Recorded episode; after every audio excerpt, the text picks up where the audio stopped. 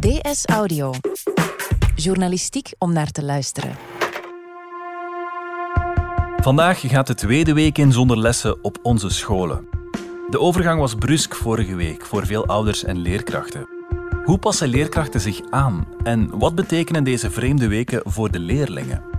Het is maandag 23 maart. Mijn naam is Niels de Keukelare en van op afstand is dit DS Audio.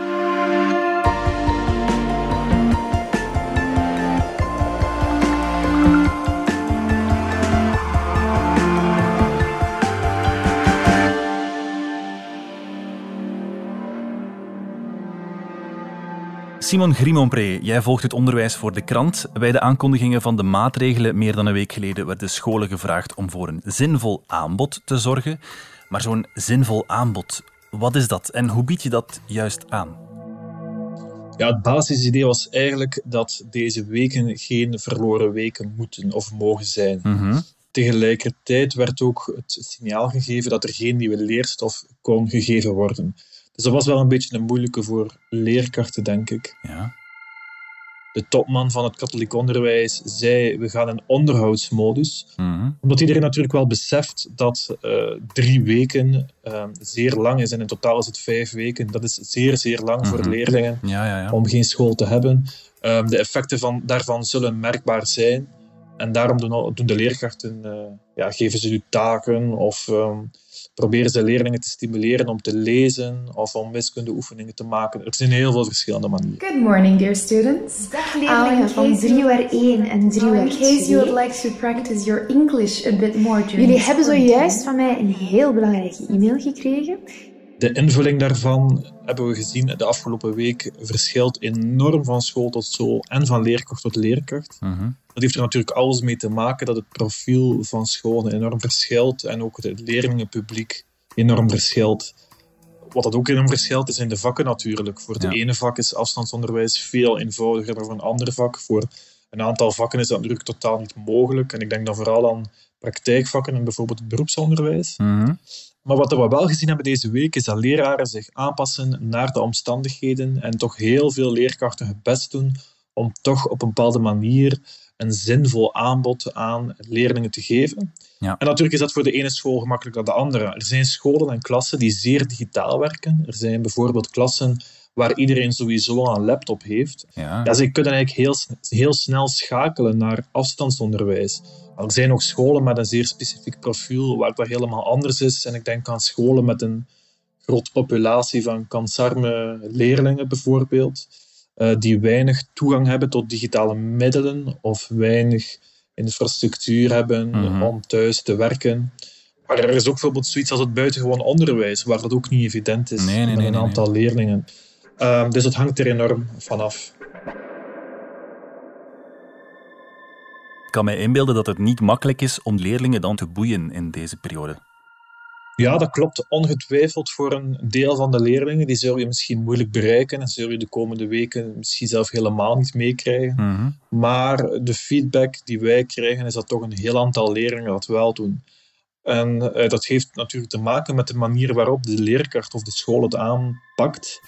Mijn naam is Zara Kallebout. Ik geef les op het Onze Lieve Vrouw Instituut in Gent. En momenteel geef ik les eh, via Instagram. Dag leerlingen van 3 uur 1 en 3 uur 2. Jullie hebben zojuist van mij een heel belangrijke e-mail gekregen. Ga naar jullie OVI e-mailadres, accepteer de uitnodiging en ga naar quizlet.be voor de volgende taak. Sarah Kallebout beseft dat iets als Smart School, een veelgebruikt platform voor onderwijs in Vlaanderen, dat dat moeilijk aanslaat bij haar leerlingen. Het is zo dat, dat onze leerlingen eigenlijk vooral een migratieachtergrond hebben, 86% van onze leerlingen. En we zien dat zij ehm, Smart School niet echt gebruiken, dat slaat niet echt aan bij hun. Dus hebben wij gekozen om voor een, eh, een laagdrempelig alternatief te gaan en dat is eigenlijk Instagram. En dan werkt dat natuurlijk. Krijg je iedereen mee? Nee, maar op die manier kun je toch meer leerlingen bereiken Ja, dan je ja. alleen via Smart School of via mail zou werken. Dat zinvol aanbod, is dat een dagvullende bezigheid? Dat hangt eh, af van school tot school. Wij zien ouders en ook wel leerkrachten uh, getuigen dat er op sommige scholen echt niet overdreven wordt. Er zijn leerlingen die echt overspoeld worden door taken en eigenlijk niet meer zien wat prioritair is. Mhm. Er zijn ook andere scholen waar dat anders geregeld en misschien iets meer gecoördineerd is. Um, dus het hangt er enorm vanaf. Ja, je noemde net Instagram en Smart School. Welke kanalen worden zo nog gebruikt? Smart School is de belangrijkste. En Smart School heeft eigenlijk vorige week Smart School Live gelanceerd. Ja. Dat zat al in de pijplijn, maar dat heeft men nu met de coronacrisis versneld. Ja, wat is dat juist, die Smart School Live? Ja, dat zorgt ervoor dat leraren eigenlijk live een les kunnen geven. De leerkracht is dan zichtbaar, maar de leerlingen niet. En we zagen toch al in het begin van de week dat Smart School al snel aan 30.000 online lessen zat, wat dus enorm veel is. Mhm. Er zijn ook andere uh, platformen. Uitgeverij Van In heeft bijvoorbeeld het educatieve platform Bingel voor de lagere school beschikbaar gesteld voor alle Vlaamse scholen. En dat Mhm. wordt nu ook enorm veel gebruikt. Ja. Dat lag zelf eventjes plat op maandag. Wat er ook heel veel gebruikt wordt, is bijvoorbeeld WhatsApp. Ik heb gebeld met een leerkracht die op die manier zijn leerlingen in contact houdt, omdat hij dan de videochat kan aanzetten. Ja. En dan eh, kun je eigenlijk elkaar zien en is dat toch iets gemakkelijker blijkbaar. ja. Is er een verschil in aanpak tussen het secundair en het lager onderwijs? Ja, het grote verschil is dat leerlingen in het secundair onderwijs een stuk zelfstandiger kunnen werken. En dat is toch wel anders in het lager onderwijs. De lessen worden opgeschort, maar de scholen werden niet gesloten. Wat met de leerlingen die wel naar school komen?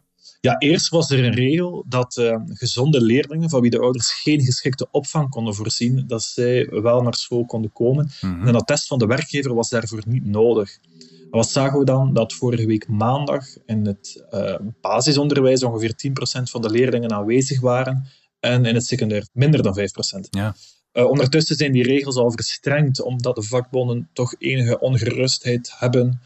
Zij begrepen niet goed waarom er eigenlijk nog zoveel kinderen naar school kwamen. Het waren er relatief weinig, maar zij waren toch van, van iets dwingendere of iets nauwere regels en die zijn er ook gekomen. Ja. Dus nu eh, is het school nog toegankelijk voor kinderen van wie ouders in een cruciale sector werkt. Of bijvoorbeeld ehm, kinderen die in een kwetsbare thuissituatie zitten, of kinderen in het buitengewoon onderwijs.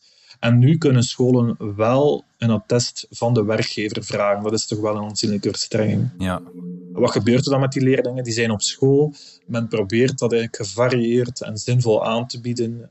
Door een uurtje taken te doen, een uurtje te sporten, Mhm. een uurtje te knutselen. Dat is ook zeer divers. En de leerkrachten worden daarvoor ingeschakeld met een beurtrol. Ja. Dus voilà. ja. Mogen leerkrachten nog toetsen of testen afnemen? In principe, ja, ze zouden dat mogen, maar dat zal niet meetellen in, in de eindscore of in het eindrapport. Hmm. Dus dat kan in principe wel nog. Maar er mag sowieso geen nieuwe leerstof worden aangeboden. Dus eh, ik weet niet of veel leerkrachten nu testen afnemen.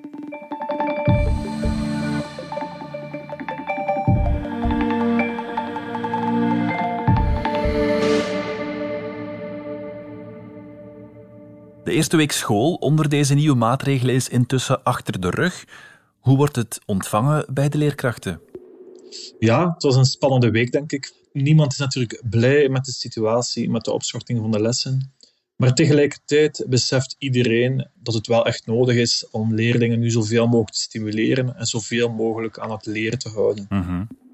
Hallo, ik ben eh, Christophe en ik geef les in het eerste leerjaar op eh, Gaspard de Coligny in Gent. En ja, sinds deze week geven wij les via een digitaal platform door filmpjes te posten eh, op een website. We hebben ons voorgenomen, wij gaan één à twee keer per week bellen eh, naar de ouders om echt eh, ja, erachter te zitten is een groot woord, maar gewoon om te luisteren. Hoe gaat het? Zijn ze aan de slag? Lukt het? Of zijn ze moeilijk te motiveren? Maar ja, om, om die schade zo beperkt mogelijk te houden. En wat ik toch gezien heb, is dat veel leerkrachten proberen op een of andere manier dat te bereiken. En nu proberen bij te spijkeren waar mogelijk. Ja. Dus niet ideaal, maar ik denk eh, dat ze zich wel te slag trekken. ja. Wat zijn de zaken waar ze tegenaan botsen? Zijn dat vooral technische belemmeringen of echt ook ja, het sociale aspect? Dat je bijvoorbeeld niet meer fysiek eh, in dezelfde ruimte bent met je leerlingen? Ik denk vooral dat tweede, dat is zeer moeilijk natuurlijk. Ja, je zit natuurlijk ook met het feit dat, eh, dat er geen nieuwe leerstof wordt gegeven. Er is niet veel afdwingbaar. Ehm, er is ook weinig structuur. Inderdaad, technisch is het soms moeilijk. Is iedereen aanwezig? Doet iedereen zijn oefeningen? Het is Ja. een beetje zoeken, het is een beetje chaotisch. Maar ik denk dat dat zich de komende weken nog wel moet, uh, moet zetten. Ja. Zijn er ook zaken die beter lopen dan verwacht? Ja, ik denk in de praktijk dat die zaken toch wel goed lopen. Ik heb een leerkracht gesproken die Smart School Live gebruikt heeft. Dat werkte allemaal, alle leerlingen waren aanwezig. Dus dat was wel heel fijn. Ja. Dus op zich, uh, op zich werkt het wel. Maar het is, het is een beetje zoeken natuurlijk. het, is, mhm. het, zijn absoluut geen ideale omstandigheden voor niemand. Mm Hoe reageren de kinderen en de ouders op deze tijdelijke nieuwe vorm van ja, onderwijs? Ik heb zelf geen ouders en kinderen gebeld. Maar wat ik hoor van de leerkrachten die ik heb gebeld, uh, lijken kinderen daar toch wel voor open te staan. Mhm. We krijgen toch heel veel positieve reacties van ouders dat de, de kindjes op die manier wel gemotiveerd zijn om te werken. Uh, wij proberen er ook altijd wel een leuke insteek uh, aan te geven door ons te verkleden. Een vertelpiraat die langskomt. Het maakt het wel altijd spannend van ja, hoe zouden ze vandaag weer verkleed zijn of wat zouden ze vandaag weer aanbrengen. Al hoor ik wel dat ze, dat ze wel het contact met de vriendjes missen, het sociaal contact op school. Ja, ja. Momenteel gelden de getroffen maatregelen tot en met 3 april. Daarna is het paasvakantie. Dat betekent dat de leerlingen in totaal vijf weken geen les zullen hebben gehad. Wat voor gevolgen heeft dit? Ja, daar vreest iedereen voor. Hè. Leerkrachten zeggen we doen nu inspanningen om, om toch leerlingen tot leren te brengen. Maar mhm. eigenlijk zal het echte werk pas uh, beginnen als deze periode voorbij is uit deze situatie. Het is de eerste keer dat we dat meemaken. En, en dat we pas ja, gaan, gaan zien wat het oplevert of wat het uh, gedaan heeft om uh, na de vakantie weer samen te komen. Hè. Als het dan na de vakantie is, hopelijk. Een leerkracht zei mij dat eigenlijk zelf dat ze merken dat na de kerstvakantie dat leerlingen echt een terugval kennen. Ja. Dus dat, uh, dat, dat wordt een cruciale periode. Ik heb deze week ook een armoede-expert van de KU Leuven gehoord en die zei dat dat voor kinderen uit kazarnemilieus nog een extra probleem is, omdat die kinderen uh, minder dan, uh, dan hun leeftijdsgenoten uit de middenklasse thuis minder gestimuleerd worden mhm. tot leren, uh, omdat daar iets minder schoolse structuur en schoolse cultuur aanwezig is, mhm, omdat mhm. ouders geen tijd hebben of het niet kunnen. Of, dus dat, dat is een extra bezorgdheid. En daar veel scholen en veel leerkrachten die in die scholen werken, die hebben daar wel heel veel schrik voor. Dus ze mhm. doen daar ook extra inspanningen voor. Maar de grote vraag is, ja, als deze periode voorbij is, hoe groot is de schade dan? En de schade zal waarschijnlijk groot zijn. Ja. Dus daarom stellen nu een aantal mensen voor om dan, al eenmaal de scholen open zijn, om dan uh, leerlingen te testen om te zien waar ze staan, hoeveel ze verloren hebben en welke leerlingen extra remediëring nodig hebben. Ja, dus het risico is dat er toch wel wat uh, leerplandoelstellingen niet gehaald worden. Ja, dat is het risico. Ook al moet je dat ook een beetje nuanceren. Hè. Er waren nu bijvoorbeeld paasexamens.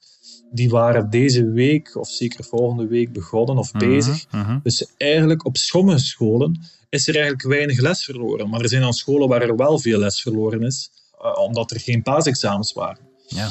Of natuurlijk, ik kijk ook naar stages of de leerlingen die duaal leren gedaan hebben of doen ja, die worden nu allemaal opgeschort. Dus zij zullen ook op de werkplek bepaalde competenties niet kunnen halen. Mhm. Dus uh, dat wordt inderdaad wel spannend. Dat is, dat is sowieso een feit. Dus dat, dat zal ook enorm veel afhangen van klas tot klas, van school tot school. Mhm.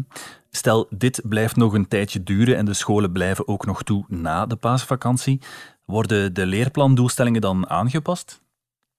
Uh, geen idee. Er is nog geen communicatie over. Mhm. En de reden is waarschijnlijk omdat niemand het weet, ook vanuit uh, onderwijsinstanties niet. Dus dat is voorlopig afwachten. Er worden hier en daar al ballonnetjes opgelaten dat de zomervakantie met een maand zou moeten ingekort worden. Mhm. Ik denk dat dat voorlopig nog afwachten is. Zoals het er nu naar uitziet, ja, zouden in principe de zomerexamens kunnen doorgaan. En wordt het derde semester gewoon zeer pittig. Ja. Um, dus ik denk dat het op zich wel nog mogelijk zou zijn, maar het is, het is afwachten ook hoe deze situatie evolueert natuurlijk. Denk je dat we hier ook iets kunnen uitleren, bijvoorbeeld over digitalisering uh, in het onderwijs, die ja, nu verplicht in een stroomversnelling lijkt te komen? Ik denk ongetwijfeld, omdat nu leerkrachten verplicht zijn om met die instrumenten te werken op een heel intensieve manier. Mm -hmm. Maar wat daarvan het effect is op lange termijn is onduidelijk. Ik denk wel dat dat een, allez, dat, dat ergens nu worden we ertoe verplicht om, om zo te gaan werken. Uh, terwijl dat anders nog iets is van ja, goh, dat is niet nodig. Hè? En nu is het effectief nodig, nu is het van moeten om zo te werken. En ik denk wel dat er daar uh, lessen uit getrokken worden, gewoon ook om op een andere manier soms invulling te geven. De vraag is ook, wat willen we precies met uh, afstandonderwijs of digitalisering in het onderwijs? Willen we uh, afstandonderwijs in de lagere school bijvoorbeeld? Ja. Ik denk niet dat het antwoord daar per se ja op is. Maar misschien uh, zorgt het er wel voor dat bepaalde digitale platformen of bepaalde manieren van leren op digitale manier, dat dat misschien nu meer gebruikt wordt, omdat leerkrachten daar meer het nut van inzien dan vroeger. Ja, ja, ja.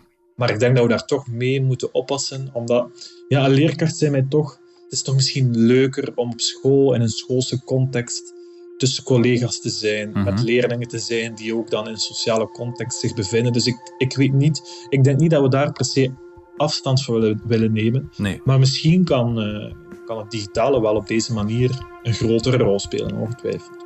Oké, bedankt Simon Grimonpré. Graag gedaan. Dit was DS Audio. Heb je vragen over corona? Weet dan dat je terecht kunt op de website www.info-coronavirus.be van de federale overheid. Je kunt ook bellen naar het infonummer 0800 14 689. Wil je reageren op deze podcast of wil je een verhaal delen over de impact van corona op jouw leven? Dat kan via dsaudio.standaard.be. In deze aflevering hoorde je Simon Grimonpré en mezelf Niels de Keuklare. De redactie gebeurde door Fien Dillen, de eindredactie door Annelies van der Roost. Pieter Schrijvens deed de audioproductie. Bert Plasgaard schreef de muziek die je hoorde in deze podcast. Chef audio is Wouter van Driessen. De getuigenissen die je hoorde kwamen van Sarah Kallebout en Christophe van der Sluis. Vond je deze podcast interessant? Weet dan dat je er elke werkdag één kunt beluisteren. Dat kan via de DS Nieuws app of via standaard.be-audio. Je kunt je ook abonneren via Apple Podcast, Spotify of de podcast-app van jouw keuze. Als je daar dan toch bent, schrijf gerust een review. Zo toon je ook anderen de weg. Morgen zijn we er opnieuw.